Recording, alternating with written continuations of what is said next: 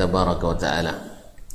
Itu menyekutukan Allah SWT pada pertemuan sebelumnya disebutkan oleh penulis hafizahullah bahwa man halafa bi ghairillahi faqad kafar atau asyrak. Dalam hadis diriwayatkan oleh Imam Abu Daud dan Tirmizi dengan sanad yang hasan siapa yang bersumpah dengan selain Allah Subhanahu wa taala sungguh telah kafir atau musyrik. Karena alasannya wa wa wadihud dalalah ala annahu la yaju la yajuzul halifu bi ghairi taala. Ini jelas sekali dalalahnya tunjukannya bahwasanya tidak boleh bersumpah dengan nama selain Allah apa sebab lianna muqtadal halifi ta'zimul mahlufi bihi sebab konsekuensi daripada bersumpah itu adalah membesarkan, mengagungkan yang atas namanya kita bersumpah. Ya kalau kita bersumpah atas nama Allah, mengagungkan Allah. Nah, kalau kita bersumpah atas nama selain Allah berarti kita memberikan ta'zim kepada selain Allah yang seharusnya hanya milik Allah tabaraka wa taala. Maka tidak boleh bersumpah atas nama selain Allah tabarakallah baik atas nama nabi atas nama wali atau makhluk-makhluknya yang lain.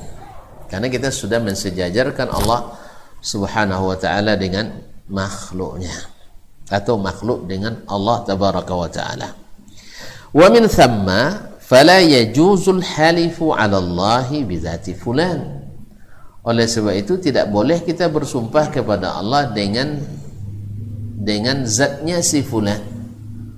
Berarti orang mengatakan, Ya Allah inni uqsimu bin nabi alaika saya bersumpah dengan zat nabi kepadamu tidak boleh. Nah. Wala bihaqqi fulan dan tidak pula dengan haknya si fulan. Seolah-olah kita mentakzim hak si fulan seperti mentakzim hak Allah tabaraka wa taala. Karena Nabi katakan man halafa bi ghairillah faqad kafara au asyrak. Siapa yang bersumpah dengan nama selain Allah sungguh sudah kafir atau sudah musyrik. Dan dua-duanya Allah haramkan baginya surga. Allah haramkan baginya surga. Bagi yang halal baginya Ya, tidak ada pilihan lain. Dua saja, surga atau neraka. Oleh sebab itu maka kita ingatkan atau penulis mengingatkan kepada kita jangan sampai bersumpah dengan nama selain Allah karena ancaman itu dari Nabi alaihi salatu wassalam dalam hadis riwayat Imam Abu Daud dan At-Tirmizi. Wala bijahi fulan dan tidak pula dengan kedudukan si fulan. Siapa pun. Tak boleh kita bersumpah dengan kedudukan dan kehormatan si fulan wa huwa mazhabu Abi Hanifah wa Abi Yusuf rahimahumullah ta'ala rahimahumullah ta'ala ini mazhab juga dinukil dari Imam Abu Hanifah dan muridnya Abu Yusuf Al-Qadhi rahmatullahi ala alaihima Kemudian wa an Muaz bin Jabal radhiyallahu anhu dan diriwayatkan dari Muaz ibn Jabal dan hadisnya fi muntahal quwwah atau fi muntahas sihah. Itu riwayat Imam Al-Bukhari dan Muslim. Tentu belajar mustalah nanti a'la maratibis sahih tingkatan hadis sahih paling tinggi mattafaqa alaihi syaikhan yang disepakati oleh dua orang syekhnya ahli hadis. Siapa? Al-Bukhari dan Muslim Masya Allah kalau dua orang syekh dalam mazhab syafi'i ayo siapa? Nah, tidak bermazhab kami dosa dia lah nah, siapa? Kalau dalam mazhab Syafi'i nanti waqala syaikhan. Tidak bermazhab. Okeylah. Ya kalau para ahli akidah menyebut asy-syaikhan, siapa yang maksud?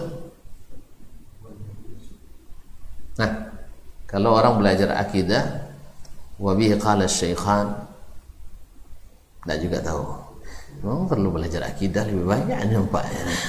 Nah, yaitu disebut asy-syaikhan yaitu Abu Bakar dan dan Umar radhiyallahu taala. Kalau dalam bab akidah nanti asy-syaikhan asy-syaikhan biasanya itu ada maksudnya Abu Bakar dan Umar. Jelas? Tidak jelas. Hah? Sekarang jelas ya. Nah, Baik, kalau ada mazhab Syafi'i kalau disebut Asy-Syaikhan Ar-Rafi'i dengan An-Nawawi. Imam Ar-Rafi'i dan An-Nawawi. Kalau di hadis nanti Asy-Syaikhan ilak lagi yang tadi Al-Bukhari dan dan Muslim. Iza utliq ya. Kalau disebutkan secara mutlak seperti itu. Tapi kalau disebutkan dengan makna terkait nanti ah, itu lain lagi ada apa redaksi pendahulunya. Misalnya wajah Ahmad wa Yahya bin Ma'in kemudian wasyaikhan qala dzalik itu berarti yang maksud adalah Ahmad dan Yahya bin Ma'in dan seterusnya. Baik. Tidak usah diperpanjang ya. Nah. Baik, wa an Muaz bin Jabal diriwayatkan dari Muaz bin Jabal dalam hadis riwayat Al-Imam Al-Bukhari dan Muslim dari Anas ibn Malik juga dari Muaz bin Jabal kuntu ridfan Nabi sallallahu alaihi wasallam laisa baini wa bainahu illa muakharatur rahal saya pernah berboncengan dengan Nabi Shallallahu Alaihi Wasallam. Kira-kira boncengnya pakai apa? Bendi. Ah, pakai keledai. Ya dalam riwayat lain disebutkan ala himarin di atas keledai. Berarti ini juga dalil boleh berboncengan di atas ke keledai asal kuat aja tapi jangan yang berat-berat kayak gitu. Ah, nah. Masyaallah kiram dirahmati Allah laisa baini wa bainahu illa muakharatur rahl. Tidak ada yang membatasi saya dengan beliau kecuali muakhiratur rahl yaitu sandaran orang yang numpang di atas di atas. Kan pelana itu ada tempat bersandarnya. Ya biasanya kayu tuh ya. Kayu setinggi ini lebih kurang satu. Ya setinggi sutroh kita yang kita pakai biasanya lebih kurang 35 sampai 40 cm meter tingginya. Biasanya selalu orang yang mengendarai unta, mengendarai keledai dalam musafir itu ada namanya ar-rah, muakhirah ar-rahl. Jadi muas di belakangnya karena satu pelana tidak buat dua. Nah, ya jelas ya, makanya dia di di belakang pelana tadi. Dan muas waktu itu masih muda. Ya Muaz bin Jabal. Wahai Muaz ibn Jabal. Qultu labbaika Rasulullah wa sa'daika Ya Rasulullah, aku penuhi panggilanmu dengan senang hati. Thumma sara Kemudian Nabi terus berjalan sesaat. Sesaat di sini maksudnya agak lama. Thumma qala ya Muaz bin Jabal. Wahai Muaz bin Jabal, qultu labbaika Rasulullah wa sadaika. Aku penuhi panggilanmu ya Rasulullah dengan senang hati. Thumma sara Kemudian Nabi diam lagi terus berjalan. Ini penasaran jadi muazin. Tapi ini penting dalam uslub mengajar. Biasanya di di apa namanya dipanggil habis itu didiamkan sekejap supaya apa yang nak disebut oleh Nabi alaihi salatu wassalam. Akhirnya Muaz berpikir-pikir jadinya siap untuk menerima apa yang akan disampaikan. Thumma qala yang ketiga kali ya Muaz bin Jabal qala qultu labbaika Rasulullah wa sa'daika Ya Rasulullah, aku penuh panggilanmu dan dengan senang hati. Qala. Lalu Nabi katakan, Hal tadri mahaqqullahi ala ibad. Kamu tahu tidak, hai Muaz, apa hak Allah terhadap para hamba?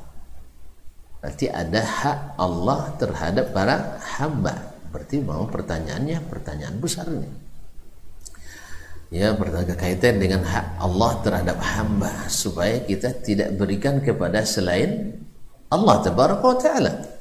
Dan ini hak khususnya yang tak boleh diberikan kepada selainnya. Taib qultu Allah wa rasuluhu alam.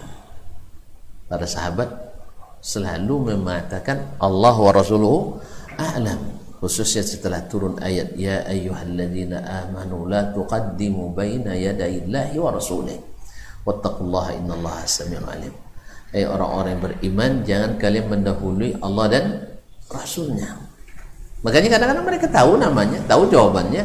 Tapi karena mereka di hadapan Nabi alaihissalam tidak mau mendahului maka mereka mengatakan Allahu wa rasuluhu a'lam lebih baik daripada salam jauh lebih baik Nabi sendiri yang menjawabkannya nah Allah wa rasuluhu a'lam. Qala fa inna haqqallahi 'alal ibad ay ya'buduhu wa la yusyriku bihi syai'ah sesungguhnya hak Allah terhadap para hambanya yaitu mereka beribadah kepadanya. Cukup? Tidak. Sebab beribadah saja tidak cukup mesti wala yusyriku bihi syai'a. Ibadah yang tidak bercampur syirik kepadanya. Jadi beribadah saja tidak cukup. Makanya ikhlas itu seperti yang disebutkan oleh eh, para ulama dan dinukil atau disebutkan secara bersamaan oleh Syekh Ibn Thaymi rahimahullah syarah arba'in dia sebutkan ikhlas itu mesti niat ikhlas itu mesti terdiri dari empat unsur. Yang pertama meniatkan ibadah kepada Allah. Yang kedua meniatkan ibadah hanya karena Allah. Jadi ibadah karena Allah kemudian hanya karena kenapa harus ditekankan hanya karena Allah? Karena tidak sedikit umat manusia dari umat-umat terdahulu sampai dengan umat ini mereka beribadah kepada Allah tapi di samping itu ada ada selain Allah di dalamnya ada kepentingan di dalamnya ada sekutu di dalamnya. Makanya yang kedua ini penting tidak beribadah kecuali karena Allah. Jadi minatkan ibadah hanya kepada Allah. Yang ketiga beribadah itu dengan niat melaksanakan perintah Allah sehingga tidak melaksanakan perintah selain Allah. Karena kita tidak mengetahui apa yang diinginkan Allah dari kita beribadah kepadanya. Makanya ada keedah yang disebutkan oleh para ulama na'budullaha kama yurid la kama nurid. Kita beribadah kepada Allah seperti yang diinginkannya bukan seperti yang kita inginkan. Sebab orang jahiliyah dulu. Kenapa jahiliyah? Mereka ingin beribadah pada Allah. Tetapi dengan cara yang mereka inginkan. Sampai-sampai ada orang tawab sambil tepuk tangan. Sambil bersiul. Bahkan lebih parahnya ada yang tawab dan sa'i tanpa pakaian. Dari mana dapatnya? dari Allah? bukan. Dari siapa? dari mereka sendiri. Mereka buat undang-undang sendiri lahirlah undang-undang jah jahiliyah. Mereka bikin ibadah ritual sendiri akhirnya ritual ibadah jahiliyah. Makanya ikhwani fillah makanya beribadah kita mesti dengan niat melaksanakan perintah Allah. Oleh sebab itu mesti berilmu tentang apa yang Allah inginkan dari kita untuk kita dirikan. Sebab kalau dibuka pintu beribadah kepada Allah menurut keyakinan masing-masing balik masa jahiliyah lagi nanti Iya tak? Di kelompok ini melihat cara ini bagus, kelompok ini melihat cara ini bagus dan tak boleh disalahkan. Ya salahkan punya kita, punya orang tak boleh, punya jadi boleh disalah, punya kita di, nah, paham tak ya? Punya kita disalahkannya, tapi punya dia tak boleh disalahkan. Kan gitu ya? Jangan menyalahkan, tapi nyalahkan juga kerja.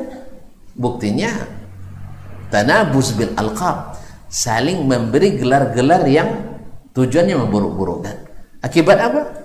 Akibat tadi karena menganggap salah. Kalau tidak salah kenapa cuma? Oh kalau tidak salah kenapa dia cuma? Makanya kaum muslimin dan muslimat dirahmati Allah makanya beribadah kepada Allah seperti yang diinginkan. Maka niatnya baru ikhlas baru benar-benar ikhlas antum mau beribadah seperti yang diinginkan. Bukan seperti yang kita inginkan. Antum kalau nak tulus mencintai istri karena di sini bapak-bapak semua. Ada ibu bu sana Ah, ada. Ah, kalau tulus mencintai suami, cintai dia seperti yang dia inginkan. Tapi kalau antum nak cintai, pokoknya saya cinta kamu, tapi ikut menurut saya ya, jangan ikut menurut kamu. Itu belum, itu masih kelas 2 tuh. Masih kelas kelas 2, antum harus lebih tinggi. Kelas satunya adalah mencintainya seperti yang dia yang dia inginkan. Ini kita masya Allah kullun yad'i waslan bi Laila wa Laila la tuqirru bilahu bizak semua punya klaim saya cinta sama Laila Laila juga Hah? nampaknya ada tanggapan rupanya diklarifikasi ke Laila Laila bilang enggak oh, kayak Dasman tuh saya mau Iya, nama nama dia apalagi dia untuk istri kedua pula. Satu aja ndak selesai ngurus katanya. Jadi kaum muslimin muslimat dirahmati Allah. Jadi mencintai Allah seperti yang Allah inginkan, bukan seperti yang kita inginkan. Mencintai Rasulullah SAW seperti yang dia inginkan, bukan seperti yang kita inginkan. Di sini perlunya beribadah karena mengikut perintah Allah Taala wa taala. Yang keempat adalah beribadah biar lebih ikhlas, yaitu meniatkan dapat pahala hanya dari Allah. Kalau masih terbayang dapat nama baik dari selain Allah atau dapat pujian dari selain Allah atau mungkin dapat gaji dari selain Allah berarti keikhlasan belum sempurna. Maka saya ulang kembali, niat ikhlas itu mesti beribadah kepada Allah, beribadah hanya kepada Allah, beribadah karena menunaikan perintah Allah. Yang ketiga, beribadah mengharap pahala hanya dari Allah Subhanahu wa taala bukan yang lain-lain.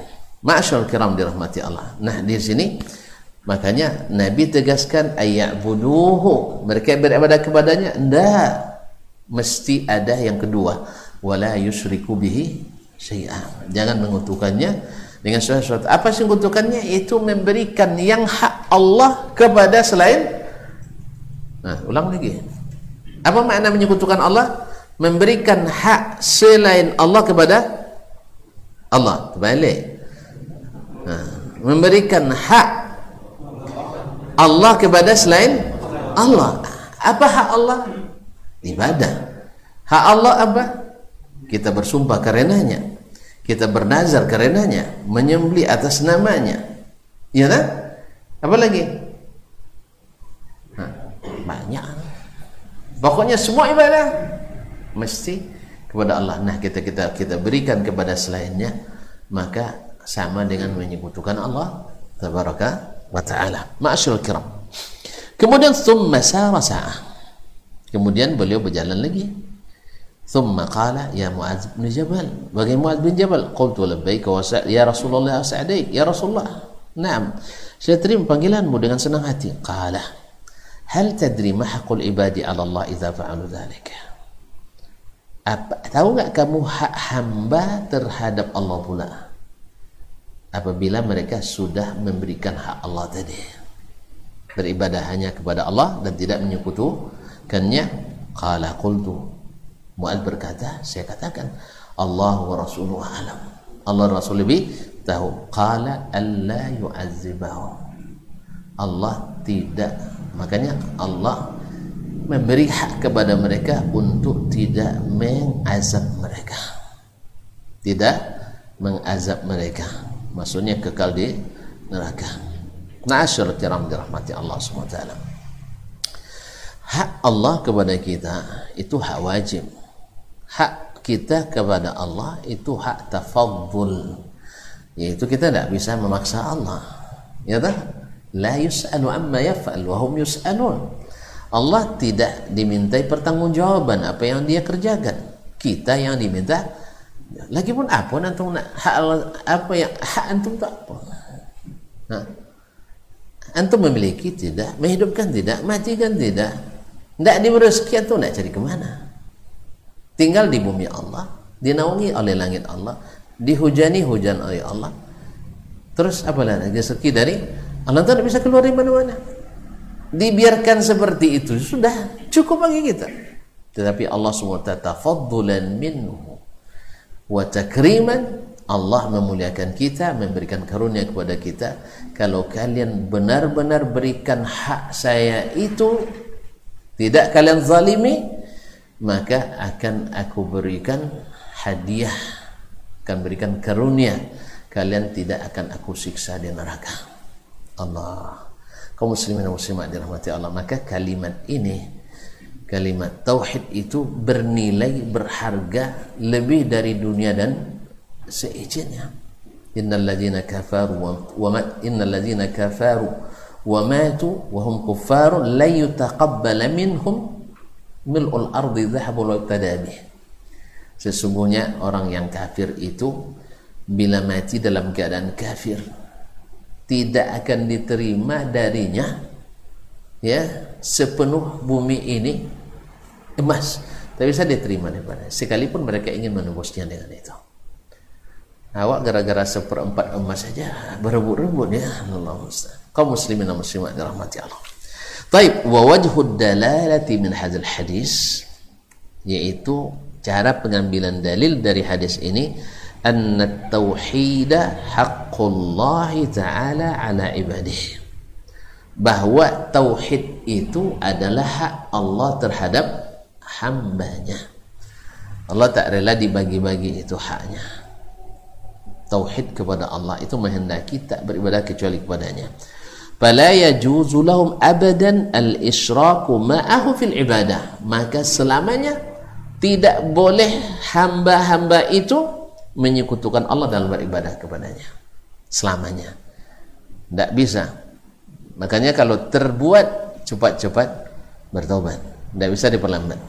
Nah qala as-san'ani rahimahullah berkata Imam as-san'ani rahimahullah fi tathhir al-i'tiqad halaman 29 man i'taqada fi syajarin aw hajar aw qabrin aw malak atau jinniyin atau hayyin atau mayyit kaum muslimin dan muslimat rahimanillah wa iyyakum berkata Imam As-San'ani rahimahullah fi tathhir al-i'tiqad halaman 9 man i'taqada fi syajarin أو حجر أو قبر أو ملك أو جني أو حي أو ميت siapa yang meyakini pada pohon kayu atau batu atau kuburan?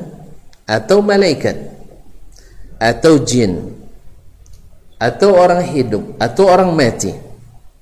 Annahu yanfa bahwa bisa memberi manfaat. Au yadur atau mendatangkan mudarat. Au annahu yuqarribu ila Allah atau mendekatkan kepada Allah.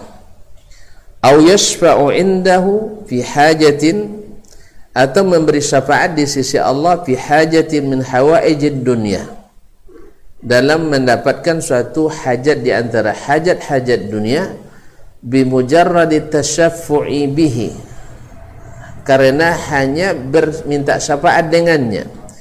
Wa tawassul ila rabbi ta'ala. Dan bertawassul dengan yang disebutkan tadi. Pohon, kayu, batu dan seterusnya tadi hanya sekedar tasyafu minta syafaat kepada Allah melalui itu atau bertawassul melalui itu kepada Allah.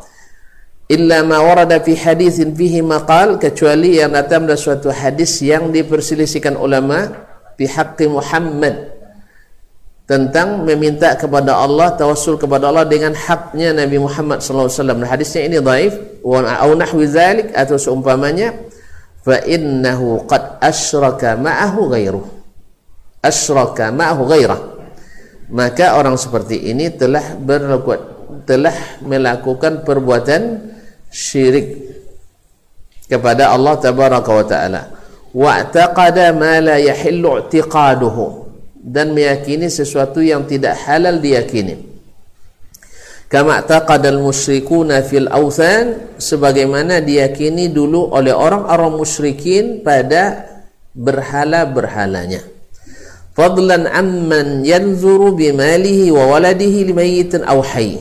Apalagi orang yang bernazar dengan hartanya bahkan dengan anaknya kepada seorang yang sudah mati atau yang masih hidup. Aw yatlubu min zalikal mayyit atau meminta dari mayat itu orang yang sudah mati. Ma la yatlubu atau ma la yutlabu illa min Allah. Sesuatu yang tak mungkin diminta kecuali kepada Allah minal hajat beberapa hajat min afiyati maridih. Seperti kesembuhan orang yang sakitnya. Kesembuhan uh, orang sakitnya. Au qudumi ghaibihi atau balik orang yang sudah hilang. Au nailihi li ayyi matlabin minal matalib atau mendapatkan sesuatu yang ditujunya atau yang, di, yang dicarinya. Fa inna hadha huwa syirku bi'ainihi inilah si, eh, apa inilah hakikatnya syirik itu alladzi kana wa yakunu alaihi ibadul asnam yang dulu dan masih terus berlaku yang dilakukan oleh para penyembah ber, berhala. Jadi mereka orang-orang musyrikin dulu seperti yang disebutkan Allah dalam ayat yang sudah dibacakan dulu, "Mana'buduhum illa liyuqarribuna ilallahi zulfa." Sesungguhnya orang-orang yang menjadikan tandingan-tandingan selain Allah, yaitu berhala-berhala tadi, dan berhala itu kan nama atau replikanya orang-orang saleh. Orang-orang saleh bukan orang-orang biasa orang-orang hebat dulu. Lalu dibuatkan patung patungnya. Lalu melalui itu mereka bertawassul kepada Allah tabaraka wa taala dalam mendapatkan sesuatu yang tidak mungkin diminta kecuali kepada Allah seperti kesembuhan orang yang sakit. Sembuh itu dari Allah tabaraka wa taala. Bukan dari dokter bukan dari dukun bukan dari tabib tetapi dari Allah tabaraka taala. Wa idza maridtu fa huwa yashfini. Ya tidak boleh diyakini bahwa dokter yang menyembuhkan. Kalau dokter menyembuhkan dokter tidak boleh sakit. Karena dia tukang tukang sembuhkan ternyata dokter juga sakit dan juga mati. Nah, ya. Karena lebih duluan mati daripada pasien yang diurusnya atau diobatinya. Oleh itu kaum muslimin muslimat maka tak boleh diyakini dokter menyembuhkan. Apalagi dukun. Apalagi dukun, bomo, tabib dan sebagainya. Nah siapa yang berkhianat seperti itu berarti telah merusak tauhidnya kepada Allah tabaraka wa ta'ala. Inilah yang diyakini dulu oleh kaum musyrikin seperti yang disebutkan oleh Imam As-San'ani rahmatullahi taala alaih. Bil mali al mayyit wa nahwi wan nahri al qabri wat tawassul bihi hajati minhu jahiliyah. Bernazar dengan harta kepada orang yang sudah mati atau semisalnya atau menyembelih di kuburan menyembelih di kuburan ini mati itu ya ini masalah terlalu matinya di masalah itu aman-aman telah mati jadi jadi fitnah. Ya, memang gimana? Kita tidak bisa klarifikasi lagi, kan itu masalahnya. Nak diklarifikasi kan tidak bisa. Acule masuk surga atau masuk neraka, kan tidak tahu kita. Tidak ada klarifikasi. Kadang-kadang syaitan di situ mempermainkan akal manusia, memainkan perasaan manusia. Di situlah pentingnya il, ilmu, pentingnya ilmu. Kalau tidak banyak yang tersesatkan. Makanya ketika makanya syaitan itu takut kepada orang berilmu satu orang dari seribu ahli. Ibadah. Ahli ibadah.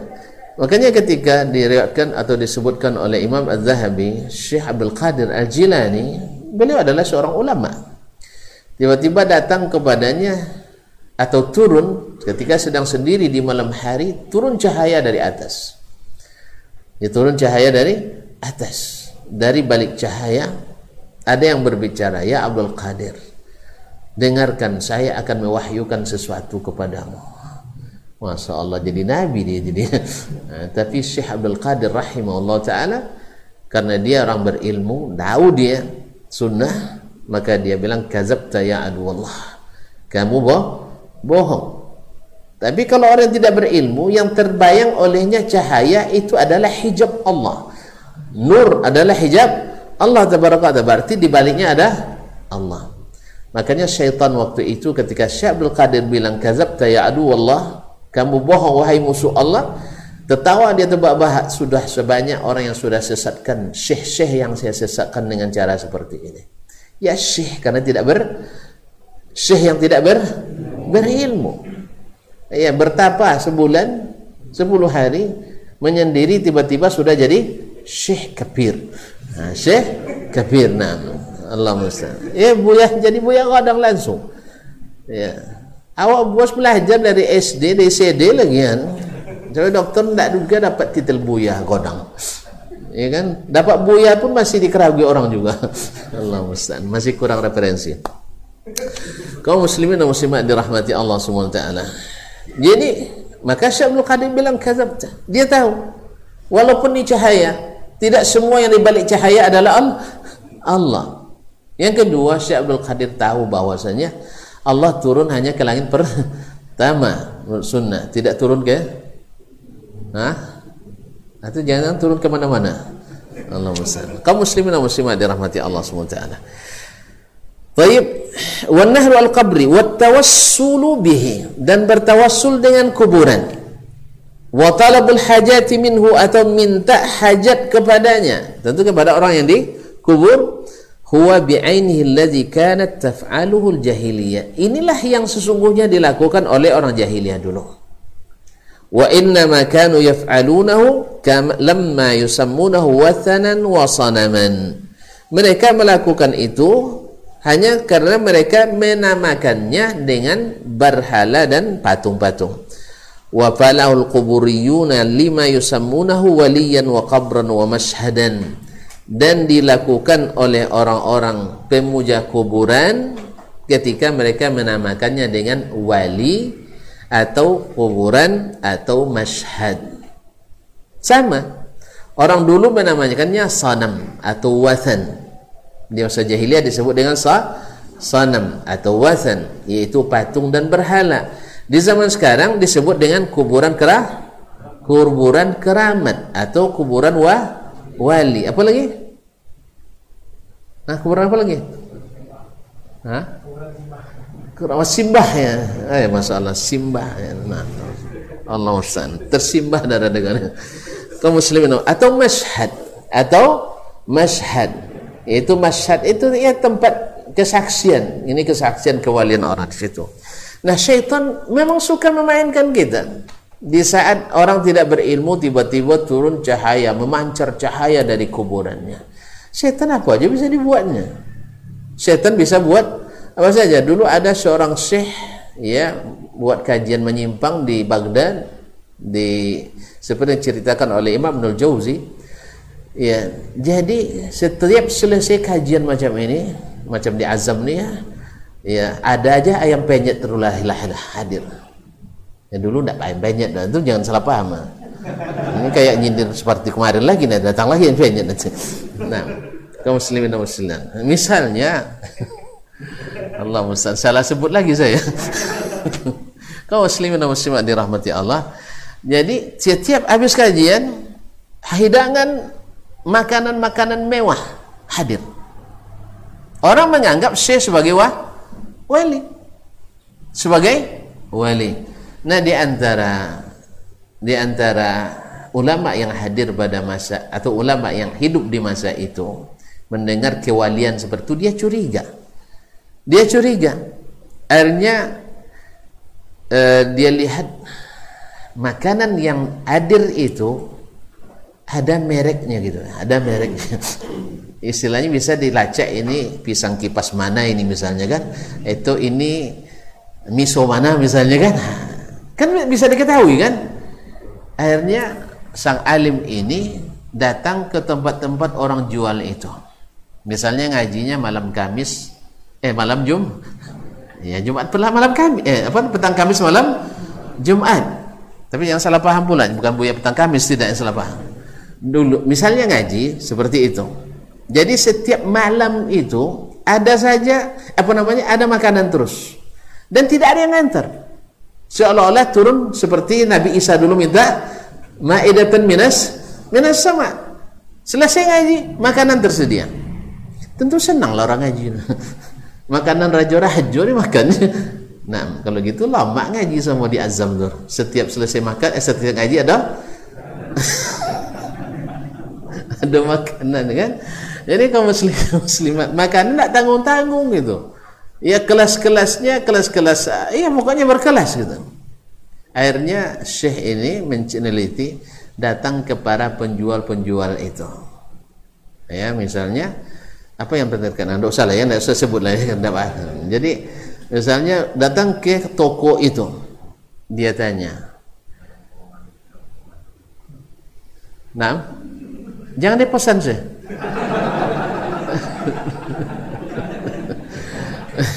nanti dituduh saya wali nanti. Kaum muslimin dan muslimat. Jadi ditanya ke tempat-tempat orang jualan itu. Kalian pernah tidak kehilangan makanan di malam hari? ternyata rata-rata mengaku ada kehilangan makanan tapi tidak ada yang mengaku pekerjaan tidak ada. Karena tidak dikunci tidak ditutup. Tapi mesti hilang. Kalau kita mungkin tuyul tuh ya. Nah, tuyul itu ya. nah. jadi hilang terus. Ditanya lagi hilangnya kapan? Pas pula jadwal syekh itu ngaji. Berarti siapa yang kerja? Siapa kerja? Yang yang bisa lewat pintu angin ya. Dia bisa melewatkan hidangan itu pintu angin tidak rusak dia. Abang kan belum bisa kan? Ah, belum aja nih. Ini paling pakai GoFood bisa aja nih. Jadi kaum muslimin dan muslimat dirahmati Allah ternyata jin yang mengerjain gitu.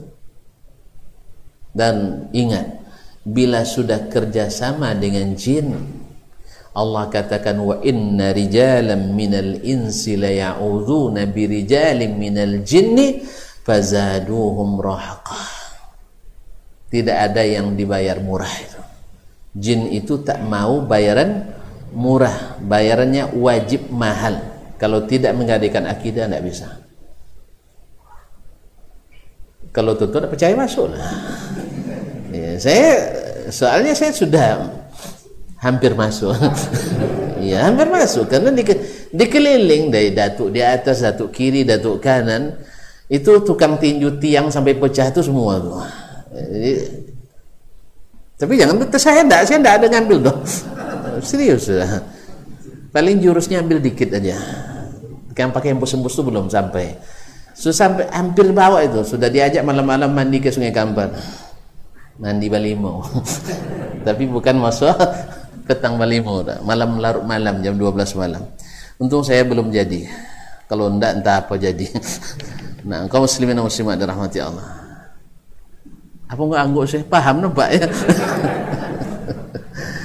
Jadi jadi caranya memang tidak bisa kecuali dengan gobarkan barang mahal. Cuman kan orang awam kan tidak paham mana yang mah mana yang mah mahal. Dia kan tak ngaji tauhid, ngajinya ngaji kan tak ngaji tauhid, ngaji-ngaji ngaji healing gitu ya. Allah musta'an. Jadi kaum muslim dan muslimat dirahmati Allah.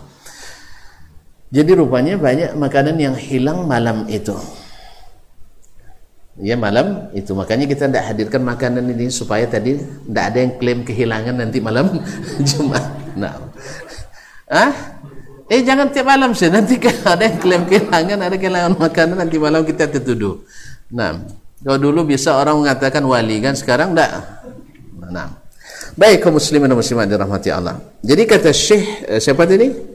Al-Amir Asad Ani rahimahullah taala wan nazru bil mali 'ala al mayyit wa nahwi wan nahru 'ala al qabri wat tawassul bi wa talabul hajati minhu huwa bi'aini alladhi kanat taf'aluhu al jahiliyah bernazar dengan harta kepada orang yang sudah mati kan tentu bukan orang biasa kan orang yang dianggap wah, wali wa nahwi dan seumpamanya.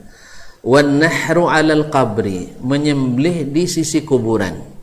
Tentu saja bukan kuburan biasa tapi kuburan wali. Nah wa tawassulu bihi dan bertawassul dengan kuburan itu. Juga bukan kuburan biasa mesti kuburan wali. Wa talabul hajati minhu minta diberikan hajat daripadanya huwa bi'ainihi alladhi kanat taf'aluhu jahiliyah inilah yang sesungguhnya dilakukan oleh orang-orang jahiliyah dulu wa inna ma kanu yaf'alunahu lamma yusammunahu wathanan wa sanaman mereka melakukan ini karena mereka memberi namanya dulu dengan berhala dan pa, patung. Patung itu patung siapa? Lata. Lata itu orang pemurah dulu di masa jahiliyah diabadikan menjadi patung Lata. Uzzah juga seperti itu. Manat juga seperti itu. Bukan orang-orang biasa. Taib, tapi dinamakan dulu dengan wathan wasanam. Nama beda. Wa fa'alahul quburiyun dan para pengagung kuburan melakukan itu lam, lama, lima yusammunahu waliyan yaitu terhadap yang mereka namakan dengan wah, wali. Wa dan kuburan keramat. Wa mashadan dan mashhad. Mashhad ini banyak dipakai oleh orang-orang Syiah. Jadi masjid yang ada kuburan di dalamnya namanya mash mashhad. Ya. Kadang-kadang masjidnya kosong kuburannya penuh sesak dan banyak. Kita saksikan Masya Allah kalau pas ziarah kubur penuh itu dua hektar. Pas salat maghrib tidak penuh dua sab subhanallah di waktu maghrib. Padahal ketika bicara tentang menunggu antara azan dan qamat selalu alasannya waktu maghrib pendek. Tapi sempat ziarah kubur dulu baru salat maghrib. Allah mustahil Masyaallah kiram dirahmati Allah. Wal asma'u la athara laha nama nak dinamakan berhala, nak dinamakan patung, nak dinamakan masyhad, nak dinamakan kuburan keramat, nak dinamakan apa lagi tadi? Kuburan wali, tidak ada pengaruhnya. Lawala tughayyirul ma'ani dan tidak merubah makna-makna yang terkandung di dalamnya. Daruratun lughawiyah sebagai uh, asas uh, apa namanya secara bahasa, secara wa aqliyah dan secara akal wa syar'iyah dan secara syar'i. Walaupun nama berbeda, hakikat tetap sama. Di masa jahiliyah dinamakan patung, di masa kita dinamakan kuburan kera, keramat. Di masa jahiliyah disebut dengan wasan berhala, di masa ini disebut dengan kuburan wa wali atau masyhad. Intinya sama, minta kepada kuburan itu. Minta kepada orang yang di kuburan itu. Nas'alullah wal afiyah wa an Umar bin Al-Khattab radhiyallahu anhu. Kemudian uh, ini kita undur dulu. Kemudian harus dipahami kembali. Ya sebab kan di zaman fitnah ini orang bisa saja mempelintir bahasa yang disampaikan ini. Berarti kita mengafirkan semua orang yang melakukannya. Ya mengafirkan semua orang yang melakukannya. Tunggu dulu. Ini kan secara hukumnya. Belum terapan ulang kembali. Ini hukumnya. Orang yang melakukan itu sama. Sama kan? Tapi terapannya belum tentu. Maka Syekh Muhammad saya sengaja menukil pendapat Syekh Muhammad bin Abdul Wahab. Seperti dalam Asdurus Saniyah. Karena yang selalu tertuduh adalah beliau. Yang tertuduh adalah beliau mengapirkan seluruh kaum muslimin yang tak sepaham dengannya. Maka beliau mengatakan amma ma nusiba ilaina mi annana nukaffiru man la yara ra'yana wa la yazhabu mazhabana fa innahu min buhtanil a'da'i wa akadzibihim liyasuddu nasa an sabilillah. Apapun yang dinisbahkan kepada kami bahwa mengapirkan seluruh orang yang tak sepakat dengan kami yang tidak ikut mazhab kami yang tidak taat kepada kami. Kalau kami mengapirkan itu itu adalah dusta dan fitnah yang dilakukan oleh para musuh yang memusuhi dakwah ini. Lapal? Sudah hafal belum? Hafal ulang lihat nah adapun yang dinisbatkan kepada kami bahwa kami mengapirkan semua orang yang tidak sepaham dengan kami dan tidak semazhab dengan kami dan tidak mengikuti aliran kami itu adalah kebohongan dan fitnah yang dilancarkan oleh orang-orang yang memusuhi dakwah ini. Untuk memalingkan umat manusia dari agama Allah Allah yang sesungguhnya. Jelas? Lebih dalam lagi mereka menjelaskan bahkan kami tidak mengafirkan orang-orang yang tawaf di kuburan Syekh Abdul Qadir Al-Jilani dan tidak pula yang tawaf di kuburan Syekh Ahmad Al-Badawi di mana? di Padang? di Mesir nah kaum muslimin muslimat apa sebab li'adami man yuzakkiruhum wa ya'idhuhum wa yuhadziruhum min dhalik karena tidak ada orang yang mengingatkan yang memberitahukan dan yang melarang mereka melakukannya jadi beliau memberi uzur karena keja kejahilan ini sengaja saya sebutkan supaya nanti ketika mendengar ini menjadi penetrasi bagi yang sakit-sakit hati bahwa kajian kita mengapirkan seluruh kaum muslimin. Makanya sekarang bercatatnya enggak? Ya direkam enggak? Direkam. Jadi ini yang disampaikan oleh Amir As-San'ani secara teoritis. Bukan secara apli aplikatifnya. Karena orang yang melakukan kesyirikan tidak boleh langsung dihukum mus musyrik. Orang yang melakukan dosa tak bisa langsung digelar fasik. Jelas? Karena dia tidak tahu barangkali. Tidak, tidak tahu. Buktinya Nabi SAW setelah selesai perang Fathu Makkah menuju Hunain, mereka melewati sebatang pohon yang dulu di masa jahiliyah. Memang saja jahiliyah menjadi tempat untuk menajamkan pedang biar sakti mandraguna. Ya, paham? Itu tuan tak pernah jahiliyah itu masalahnya. Nah, jadi di masa jahiliyah dulu pak apa namanya pedang, keris, lembing, tombak, panah di dititipkan di pohon itu dalam waktu tertentu supaya sak sakti mandra guna. Nah, melewat itu disebut dengan zatu anwat. Melihat itu para sahabat, mengatakan ya Rasulullah ij'al lana zata anwatin kama lahum zatu anwat ya Rasulullah buat pula lah kita tempat membuat pedang sakti seperti mereka punya tempat membuat pedang mereka sakti biar kita menang dalam jihad tujuannya lain ini untuk berjihad sana untuk bikin jahat iya ternyata tujuan tidak menghalalkan cara selama cara tidak syar'i. Maka di sini Nabi tidak mengapirkan sahabat. Walaupun Nabi mengatakan uh, dalam bahasa beliau, inilah yang saya maksud kalian akan mengikut sunnah-sunnah orang sebelum kalian. Ya kan? Ya, Allahu Akbar inna hasanan kata Nabi alaihi salatu wasallam. Aturiduna an taqulu kama qala Banu Israel li Musa ibn Imran alaihissalam ij'al lana ilahan kama lahum aliha. Ya Allah apakah kalian ingin mengatakan kepadaku buat pula Tuhan seperti orang-orang ini punya Tuhan selain Allah berarti Nabi mengatakan menjadikan zatu anwat untuk mensaktikan benang antum sama dengan mengambil Tuhan selain Allah tabaraka wa ta'ala karena mengakui ada manfaat dan mudarat pada benda yang Allah tidak jadikan manfaat dan mudarat padanya. Maka nah di sini Nabi tidak menyuruh sahabat bersyahadat kembali. Jelas? Tak jalan nampak. Ini tak, pulang kita malam ini nampak. ya. Yang dilakukan sahabat syirik apa tidak? Syirik. Besar apa kecil? Besar. Nabi kafirkan mereka? Tidak. Alhamdulillah. Paham rupanya ya? Alhamdulillah bisa pulang. ya, paham? Walaupun yang dilakukannya syirik.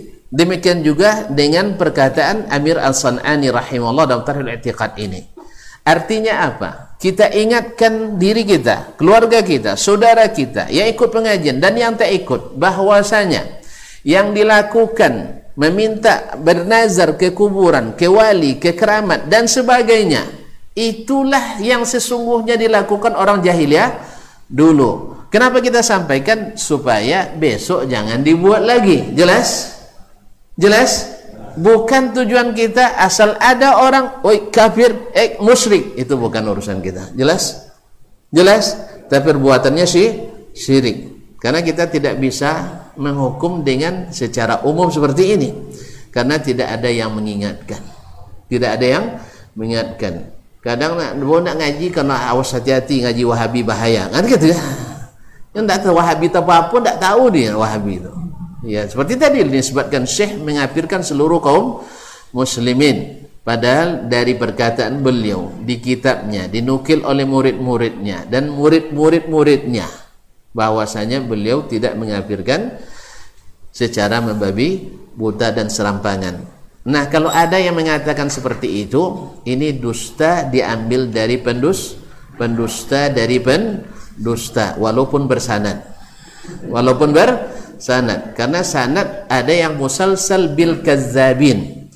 musalsal bil kadzabin yaitu berantai dari dusta dari dusta dari dusta. Jelas? Karena dusta talinya sangat pendek. Hablul kadhibi qasir. Oleh sebab itu ketahuilah apa yang dikatakan oleh seseorang dari sumbernya yang asli. Jangan dari tukang fit fitnah dan dusta karena hadis walaupun banyak rawinya tapi seluruh pendusta tidak menguatkan. Tidak menguatkan. Walaupun banyak perawinya tapi semua tukang fitnah juga tidak menguatkan. Maka kembali kepada ini. Ini sengaja saya sampaikan karena ini saya takut nanti ketika didengar oleh yang punya penyakit yang punya penyakit penyakit. Nanti bangkit gatalnya. Bangkit gatalnya. Ah tuh nampak gaji di azam tuh. Hati-hati kalian mengapirkan kaum muslimin semuanya. Maka tolong dicatat. Jangan salah koek dah. Jangan salah potong nanti. Bahaya. Nah, jadi tolong jangan jangan. Makanya sebenarnya memotong-motong itu tak bagus ya. Motong-motong itu tak bagus. Apalagi diadu. Adu. Maka saya ingatkan saudara-saudaraku semua di mana pun tidak usahlah mengadu-ngadu us ustad ya ya juga nah. orang kalau diadu tentu nak paling bagak dia. Tak ada yang mau kalah. Iya tak? Sedikit yang mau ngalah tuh sebagian besar tak akan mau mengalah. Ayah dilawannya kalau sudah diadu. Ayahnya sendiri nih dilawan apalagi ustaznya. Ustaz tak lah mau belajar sama nyuruh kan? Sebentar aja eh, ustaz ajar ya sebab itu. Tak usah diadu-adu ya. Ya bawa ngaji aja lah jangan pakai adu-adu. Allah musta'an. Jelas tak? jelas? Jadi yang dilakukan sama yang dilakukan sama. Cuman sebagian tak sampai kepadanya ilmu ini. Maka kita kalau kita ada mengetahui dan ada akses kita sampaikan. Makanya kenapa dakwah ini disiar seperti sekarang walaupun banyak fitnah akibatnya. Tetapi karena apa? Supaya sampai juga kepada kepada semakin banyak kaum muslimin yang yang mengetahui. Cuman kadang-kadang itulah jadi fitnah pula kan? Jadi jadi fitnah. Cuman Cuman harus dipahami bahwa setiap golongan setiap golongan semuanya ada pihak yang berlebihan. Yang ekstrim itu ada. Misalnya Abu Umar Ar-Razi pengikut Al-Asy'ariyah dia katakan mengomentari kitabnya Ibnu Khuzaimah Kitab Tauhid padahal beliau digelar oleh para imam dengan Imamul A'immah ya imam imamnya para imam di kalangan ahlu sunnah. Tapi apa komentarnya? Abu Umar Ar-Razi dulu abad kelima dia bukan sekarang. Abu Umar Ar-Razi dia katakan kitab Khuzaimah ini adalah kitab syirki wal kufur pada isinya hadis-hadis Nabi ayat-ayat Al-Quran dan hadis-hadis Nabi alaihi salatu wassalam alama hadis salafis salih. Tapi disebutnya kitab kekufuran dan kesyirikan Berarti Syekh Nur Khuzaimah disebutnya qalilul aqli. Orang yang akalnya kurang. Pikirannya biji. Jadi semuanya ada di setiap golongan itu ada. Cuman jangan ini yang ditonjolkan, tapi tonjolkanlah ilmu yang mencerahkan, bukan fitnah yang mencelakakan. Jelas? Jadi kalau ada fitnah dipadamkan, jangan di ini tidak tambah-tambah tuan-tuan suntik, gade-gade kasih amunisi itu masalahnya. Jadi jangan ditambah fitnah jangan ditambah. Makanya saya sengaja menjelaskan ini supaya tidak jadi bahan penetrasi nanti untuk mempersubur fitnah di antara kaum muslimin. Jelas? Eh maksud kita bukan kita orang juga yang menulis ini untuk supaya umat semakin tahu oh ternyata yang dilakukan sekarang kok mirip-mirip ya berarti sumbernya mana bukan dari Allah bukan dari Rasulullah sallallahu alaihi wasallam karena antum lihat sendirilah. Setelah Nabi wafat, banyak terjadi masalah besar di umat, sah? Banyak terjadi masalah besar di umat Islam. Terbunuh Utsman, sebelumnya terbunuh Umar, dan sebelumnya kasus orang murtad. Orang tak mau bayar zakat. Dan di masa Ali, tapi tidak ada satupun mereka yang datang ke kuburan Nabi sallallahu alaihi wasallam Ya Rasulullah selamatkanlah umatmu ya Rasulullah masa tidur aja kan ada kan ada yang sampai bisik-bisik ke kuburan Nabi tolong selamatkan berarti ini bukan ajaran nah Nabi Shallallahu Alaihi Wasallam. Dan tentu tahu sendiri bahwa di awal Islam kan dilarang ziarah kubur. Apa sebab? Karena rusaknya akidah dulu gara-gara ku, gara-gara salah ziarah kubur tadi lah. Itu ya. Dulu ketika di awal Islam dilarang ziarah kubur, iya kan? Apa sebab? Hah? Karena mereka masih baru meninggalkan kesyirikan tadi. Dan banyak kesyirikan dari kubur lah asalnya, dari orang yang sudah dikubur. Nah, pada Syekh itu kalau misalnya Syekh Abdul Qadir Ajilani misalnya, kalau hidup dia mana mau dia disepertikan itu dikeramat-keramatkan. Tapi karena beliau sudah mati, tidak bisa lagi klarifikasi. Nah, kan kalau kalau tidak setuju pasti marah dia. Ternyata dia tidak tidak marah katanya. Akhirnya pakai akal-akalan seperti itu. Ya kalau dia marah tentu dia bangkit arwahnya kan, arwah bangkit dari ku, kubur. Ini kan ada film-film kan banyak arwah balas dendam sebagai Allah musta'an. Dan ini yang menyebar di masyarakat. Nah, berarti kalau dia diam saja berarti suka dia dikerah keramatkan Allah musta'an. Dan Al-Quran banyak ayat menjelaskan yang kita sekutukan itu besok menjadi lawan kita. Banyak ayat semuanya menceritakan tentang itu. Cuman umat kan tidak baca ayat ini, baca pun diselewengkan pula pemahamannya. Diselewengkan pemahamannya oleh bagian oknum yang tidak bertanggung jawab. Allah musta'an wa alaihi tuklan. Makanya di sini penting menghidupkan kembali manhaj ahli hadis dalam menghidupkan akidah dalam dak dakwah. Karena sebagian mengatakan muttarib. Di awal dikatakan tidak tahu akidah, setelah itu jadi imam akidah pula sama pula dan sebagainya. Bolak balik. Awalnya tidak tahu akidah, akidah setelah itu oh tidak bagus juga disebut imam dahulu tidak paham ah akidah akhirnya paham cuman sama dengan kita apa bukti samanya pokoknya sama aja lah tidak ada bukti tetap pokoknya sama ya kalau bukti sama buat riwayatnya buat sini. Nah kalau tidak berarti yang ada dalam Al-Quran itulah yang benar. Wallahu musta'an wa tidak ada pertanyaan saya kan ada kan? Ya itu tidak selesai saya tahu. Ini orang apa namanya? Masih baru juga Baik, terima kasih dan mohon maaf. Kira ini apa namanya yang uh, terakhir ini yang jadi trending topik gitu ini harus jangan salah apa? Salah paham. Jangan salah paham antara aplikasi dengan dengan dengan istilahnya uh, pernyataan. Pernyataan dengan kenyataan. Ya, itu kadang harus kalau pernyataan kan berdasarkan dasar-dasar ilmu saja kalau kenyataan itu berdasarkan aplikasi dan bukti bukti dan harus jelas. Harus ya jelas bagi yang dihukum dan yang menghukum. Wallahu musta'an wa tuklan. Sampai di sini kajian kita malam ini. Semoga bermanfaat dan dijauhkan dari segala hal yang mendatangkan mudarat. Terima kasih dan mohon maaf. Subhanakallahumma bihamdik.